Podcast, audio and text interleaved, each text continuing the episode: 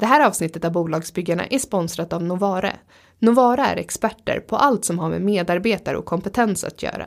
Från rekryteringar på alla nivåer till kompetensutveckling, ersättningsfrågor och resursförstärkningar.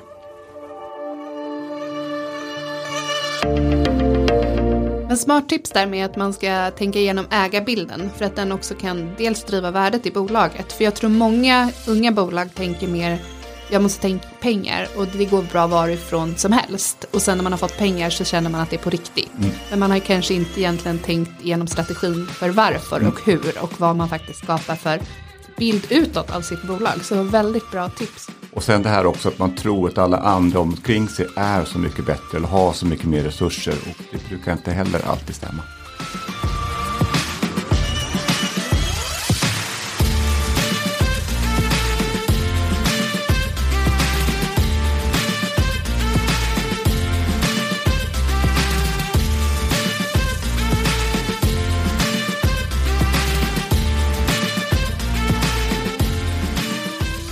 Det här är Bolagsbyggarna med mig, Camilla Ljunggren. En podcast där vi ställer raka och personliga frågor om hur det verkligen är att bygga bolag.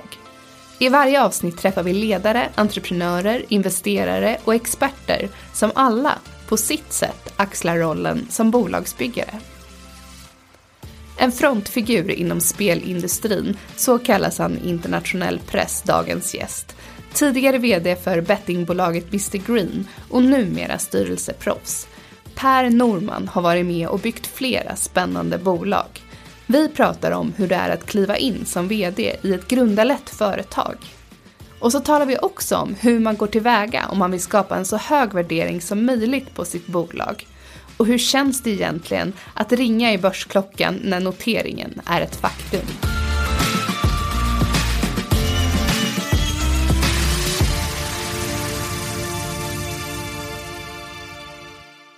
Hej Per och varmt välkommen till podden Bolagsbyggarna. Tack. Du är idag aktiv som styrelseproffs och rådgivare i ett antal bolag, bland annat Sveriges Television. Du är styrelseordförande i Leo Vegas och flera andra tillväxtbolag. Men innan dess så har du ju haft spännande uppdrag bland annat på MTG, Boxer och Mr Green. Berätta, vad är det som har lockat in dig på den här banan? Ja, mycket av livet sker ju av en slump och eh, jag jobbade som managementkonsult under 90-talet och halkade in i slutet på 90-talet på MTG då, som var Kinneviks mediebolag på den tiden. Och det var en extremt entreprenörsdriven kultur och det behövdes någon med lite struktur som kunde ta sig an digitaliseringen. Och jag kunde egentligen ingenting om digital teknik eller media men som Pelle Törnberg som var då den legendariska vdn på den tiden sa Per, du kan en aning mer än de flesta andra och det räcker. Och sen har jag fortsatt arbeta med digitalisering kan man säga, oftast i bolag där det finns en digital motor och man kan se snabba förändringar i kundens beteende. Och Det tycker jag är oerhört spännande. Därmed kan man oftast också snabbt expandera både geografiskt och eh, produktmässigt. Det här var ju spännande. Du kan en aning mer än alla andra och det räcker. Det räcker, det kan man ha med sig. Det var väldigt bra lärdom att ha med sig. För ibland så kan man ju tänka när man eh, jobbar med startups, vad lär jag mig egentligen? Och blir jag bra på någonting eller blir jag väldigt generalist på allt? Men man kanske är lite bättre än någon annan på någon sak och det räcker alltså. Och sen det här också att man tror att alla andra omkring sig är så mycket bättre eller har så mycket mer resurser och det brukar inte heller alltid stämma. Intressant, det tycker jag verkligen att vi ska ta med oss. Du har ju haft en mängd olika vd-uppdrag. Vad är det som är så spännande med just den här rollen i ett bolag? Ja, som, som vd så har man många gånger den här förmånen att leda och bygga ett team. Och tillsammans med det här teamet så utvecklar man planer och strategier och, och förhoppningsvis så får man också grönt ljus av en styrelse till slut. Därefter kommer implementeringsfas, det ska exekveras, det ska rapporteras och det ska justeras. Men hela den här cykeln att tillsammans utveckla något, stötta, blöta, lyckas, ibland misslyckas. Det tycker jag är spännande och roligt och, och utvecklande. Och jag kan ibland sakna den pulsen eh, numera som styrelseproffs där man varken kan eller ibland ska vara så djupt dagligt involverad i bolagen. Är det svårt att inte lägga sig i? Ja, det kan vara svårt och det är en balansgång och det beror också på storleken av bolagen man är engagerad i. Tar man ett mindre startupbolag så vill ju oftast en, en entreprenör att man ska komma med lite mer kloka råd och vara mer engagerad. Men i ett stort bolag så vill man nog många gånger från ledningen att styrelsen ska ibland hålla sig på styrelsens sida. Mr Green det grundades ju av en entreprenörstrio som tidigare grundat Betsson och som också var stora ägare till MRG när du klev in som vd. Sen noterades ju MRG och idag så är det ju uppköpt. Men som ledare finns det några särskilda utmaningar i att ta sig an ett uppdrag i ett bolag där entreprenörerna fortfarande har ett sånt här starkt engagemang? Absolut och eh, det finns ju fler exempel i, i Sverige idag på entreprenörer som går hela vägen. Vi har ju de klassiska eh, Ikea och H&M men också eh, nya exempel i Spotify och Klarna som goda stjärnor. Men som entreprenör så tror jag man måste inse och också gilla de här olika faserna som ett bolag går igenom. Jag brukar hävda att det finns en gräns vid 30 anställda och vid 100 anställda där på något sätt bolagen ömsar skinn. Och för helt plötsligt så krävs det lite mer administration kring personal och lite mer struktur hur man tar beslut och, och plötsligt så finns det lite fler ägare som kräver rapportering och så vidare. Och när man startar ett bolag så har man allt det där men det finns inte nedskrivet, det finns i rummet där man sitter tillsammans där man tar beslut, alla är delaktiga.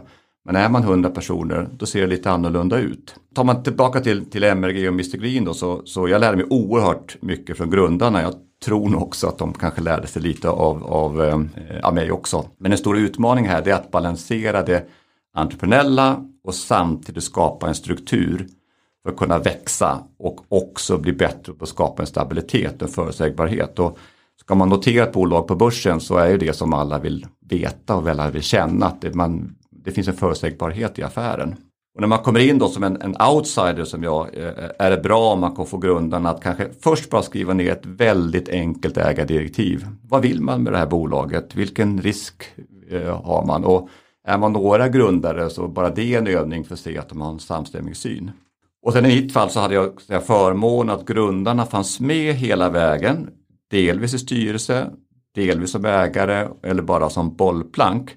Men då är det också viktigt att man diskuterar de här olika rollerna man har. Vad är det för roll och ansvar du har som en ägare? Vad har du som styrelse och vad har du som ledning? Så att man inte mixar ihop de där. Och kanske den slutliga utmaningen är ju att, att en grundare ofta satt kulturen i bolaget och här är också en stor balansgång att försöka behålla den där kulturen och samtidigt utveckla den i, och med att bolaget växer och, och, och omvärlden förändras. Så att det, det, och så har man grundarna och medgrundarna eh, någonstans bredvid hela tiden. Mm, för man kan ju se ibland när entreprenörer tar in en extern vd att det skiter sig. Det kan eh, absolut vara så. Mm, det är ganska vanligt kanske i mindre bolag också. Mm. När man har kommit en bit på vägen så kanske man ändå har förstått den här vikten av struktur. Det är, inte, det är inte helt okomplicerat. Jag tror man ska vara väldigt noggrann och diskutera igenom det. Eh, och just i det fallet som vi pratar om nu så tror jag inte vi diskuterar igenom det, men det blir bra ändå till slut. Men, men om man går in i ett, ett mindre bolag som, som lite mer erfaren så tror man ska vara väldigt tydlig och säga så här tycker jag att det ska se ut. Och sen får man se att man liksom hittar den ja, mixen i hur man vill arbeta tillsammans. Eh, så att man inte börjar med någonting och så upptäcker man att det här går inte helt enkelt. Man, man, är, man är på olika spelhalvor. Som entreprenör så brukar man ju säga att det här företaget eller startup, att det är ens lilla baby. Liksom. Kan man känna så i rollen när man kommer in sådär utifrån? Får tror, man samma relation? Nej, men jag tror inte det. Och det är det som är ett av problemen. Att man har en, en mera annan relation till bolaget. Oftast har jag varit på andra bolag tidigare. Och, och, och grundarna de har ju ofta svettats och, och äh, haft äh, dubier och det har svängt fram och tillbaka ett antal gånger innan, man, äh, ja, innan en sån som jag kommer in i bolaget. Så att, att jag tror inte att det kan aldrig bli riktigt ens egna barn som det är för grundarna. Det är värt att ha med sig ändå i bakhuvudet att de ser på det på ett sätt och du ser det på ett annat sätt. Ja men det är precis så. Det är precis så. Det kanske inte är jättevanligt att man köper ett annat bolag i ett tidigt skede som startup. Men inom spelindustrin så förekommer ju uppköp relativt ofta. Är man då ute efter att ta marknadsandelar eller är det ny teknik eller är det ett sätt att få in kompetens som man är ute efter? Jag tror att just nu så är det en, väldigt stark konsolideringsfas. Eh, och, eh, för det har blivit svårare och svårare att vara liten eh, i, i spelbranschen. Om man inte har en väldigt speciellt tydlig nisch. För det ställs eh, större och större krav kring regleringar, att man ska vara compliant. Och man ser också att, att eh, skalfördelar blir allt mer viktigt. Så att just nu går att köpa mindre bolag från ett större bolagsperspektiv ganska billigt. Och det är en drivkraft bakom att, att det sker eh, ganska mycket uppköp och sådana. Sen kan det ju såklart också vara att det är teknik eller att man vill in på en ny marknad och sådana saker som driver. Men, men eh, mångt och mycket så tror jag att de mindre bolagen eh, är relativt lågt värderade och det skapar möjlighet för de större bolagen. Om man funderar på att köpa ett annat bolag eller sälja sitt eget bolag, vad är viktigast att titta efter hos motparten? Min erfarenhet eller lärdom av det här att egentligen så ska man fundera och titta vad händer efter closing. Beroende på om, om det här bolaget ska integreras eller man ska eh, låta det vara mer oberoende så skiljer sig såklart de här strategierna åt. Men just den här eh, post ma strategin eller 100 dagarsplanen den tror jag är så viktig och den är så lätt att man glömmer bort. Och man måste utgå från att om man köper ett bolag så finns det väldigt stor oro i det bolaget och de behöver nog extra mycket kärlek och extra mycket tydlighet för att de ska känna att de är välkomna. Och det är ju ofta så att, att det är de bästa medarbetarna i ett uppköpt bolag som försvinner snabbast om man inte riktigt eh, är vaksam där.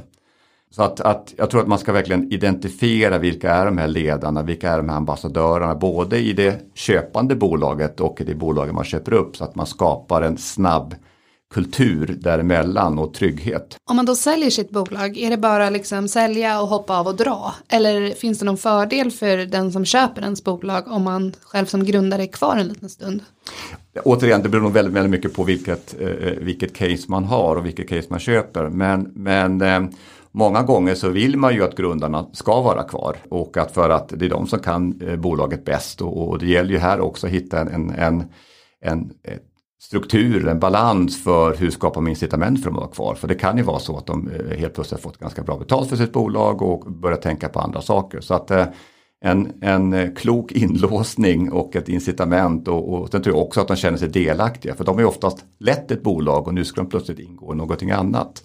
Tillbaka till det vi pratade om förut som entreprenör så har man kanske svårt ibland att jobba med eh, andra större bolag och, och eh, jag tror samma problem här som kan uppstå. Spelindustrin har ju kantats av kritik från olika håll men samtidigt så har det kanske inte heller funnits ett konkret regelverk att förhålla sig till, något som också känns igen i andra branscher. Hur är det att verka som bolagsbyggare i den här typen av miljö? Ja, eh, konstigt nog så gillar jag när det finns en dimension av att vara med och påverka ett regelverk eh, i en ung bransch. Och jag har varit med i, i mediebranschen eh, under många år eh, och digitalisering där eh, och nu också inom spelbranschen. Och jag tror det är viktigt att det finns regleringar och ramar och, och, kanske inte minst inom spelbranschen för att, att just det stigma som finns ska minska och man utifrån sett ska se på den som vilken annan reglerad bransch som ger rätt för sig helt enkelt. Här finns det en bit kvar för spelbranschen att eh, gå men jag tycker att, det finns, att den är på god väg. Och det finns ju faktiskt ett, ett spelunder där vi som land faktiskt är världsledande. Vi har så många ledande bolag inom branschen vilket man lätt glömmer bort i den här debatten. Och som, som bolagsbyggare då, då är det viktigt att man har ett myndighets och regleringsperspektiv. Och det kan låta tråkigt eh, eh men jag tror att navigerar man det här rätt så kan det bli en oerhörd konkurrensfördel. Och hamnar man fel då kan det bli eh, spiken i kistan. Och om man bara ger ett antal andra exempel utanför spelbranschen så vi kan ju prata vård, vi kan prata skola, vi kan prata arbetsförmedling, vi pratar finans. Det finns så många branscher där hantering av reglering eh, eh, eh kan vara eh, ja, både bra och dåligt helt enkelt. Ja, i många fall avgörande också. Helt avgörande. Helt avgörande. Många startups arbetar med att öka sitt företagsvärde på olika sätt. Dels som grund för att ta in kapital, men också för att kunna göra en exit till en bra värdering. Har du några tips kring vilka områden som är viktiga att jobba med för att höja just värdet på sitt bolag? Jag skulle säga att, att first impression last, eh, det vill säga man ska, ha en, man ska ha en bra pitch och man ska ha en bra presentation. Och sen så ska man inte underskatta att man ska faktiskt träna. Man ska träna, träna, träna som vilken idrottare som helst så att man gör en bra presentation och pitch. Och sen ska man hålla koll på siffrorna och, och lite beroende på vilken typ av investerare man söker. Men söker man ett, ett VC-bolag så, så kommer de ha järnkoll på siffrorna så det gäller att ha koll på siffrorna själv. Där kan man ju också fundera just vilka ägare man vill ha in i olika faser. För att den, får man en bra ägarbild så finns det en ganska stor följa John-mentalitet. Är den inne, ja ah, men vad bra, då har de gjort en DD och då kan man följa efter och liknande. Så att man ska fundera på den där ägarbilden. Men sen tror jag att fokus måste ändå vara att man steg för steg ska bygga företaget och att man verkligen levererar på den plan man eh, har eh, lagt och det man har pratat om. Man måste skapa trovärdighet. Det är det som säljer.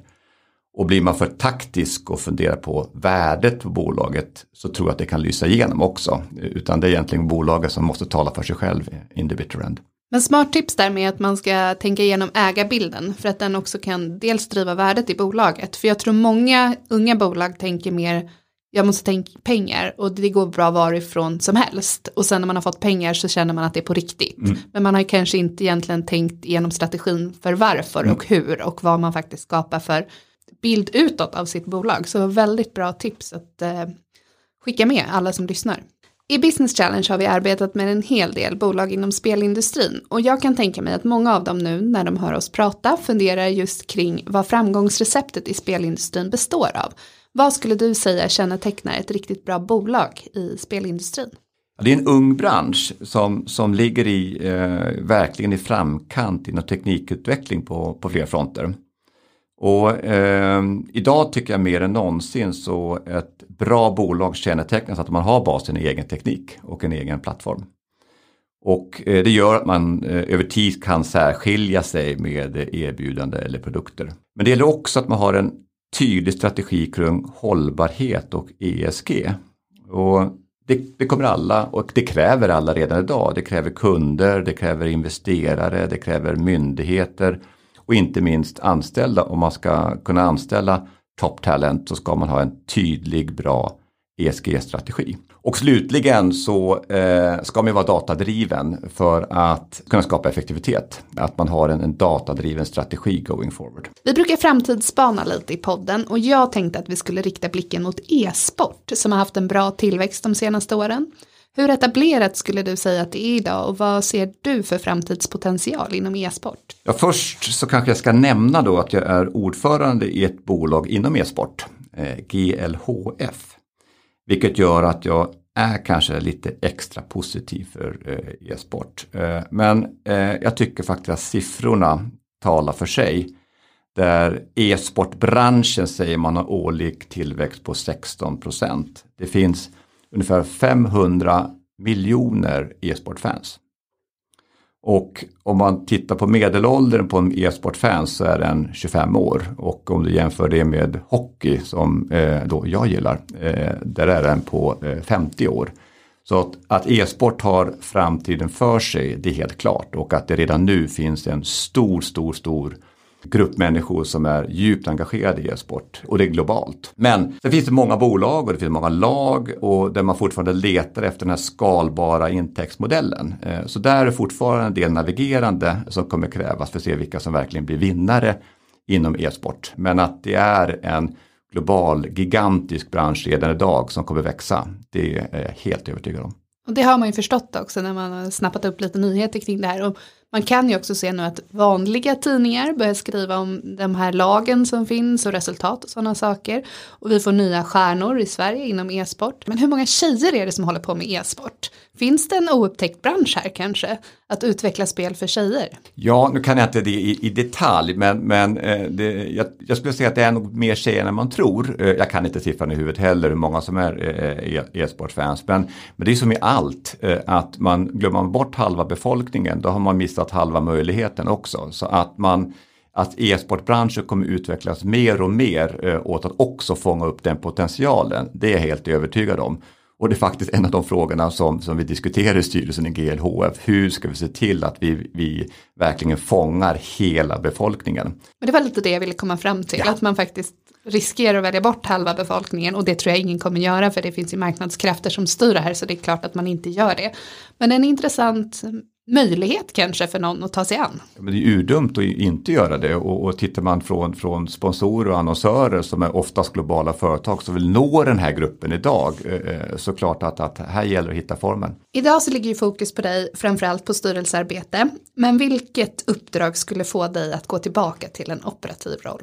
Oj, det var en, en eh, svår fråga att säga. Ett riktigt coolt techbolag som har en, en bra finansiell upp uppbackning och en, en global ambition.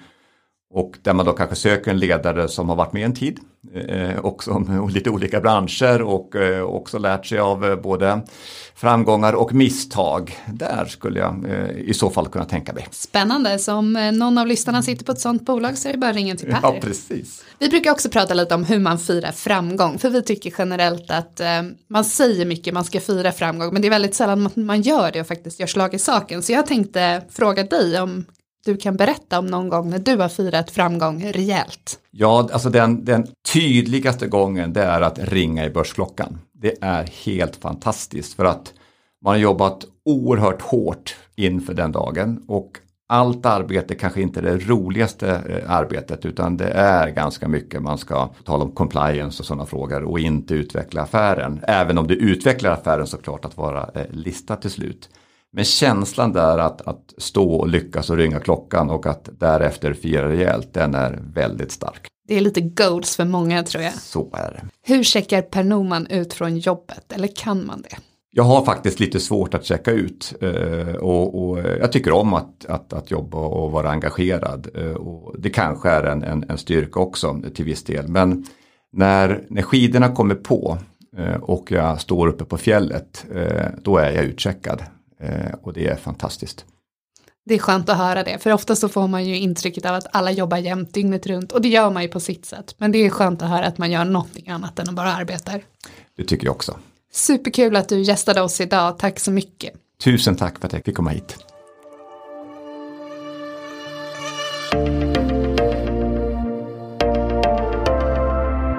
Ett stort tack för att du har lyssnat på Bolagsbyggarna med mig, Camilla Ljunggren. Bolagsbyggarna är en podcast som ges ut av Business Challenge. Business Challenge fungerar som de flesta små venture capital-bolag.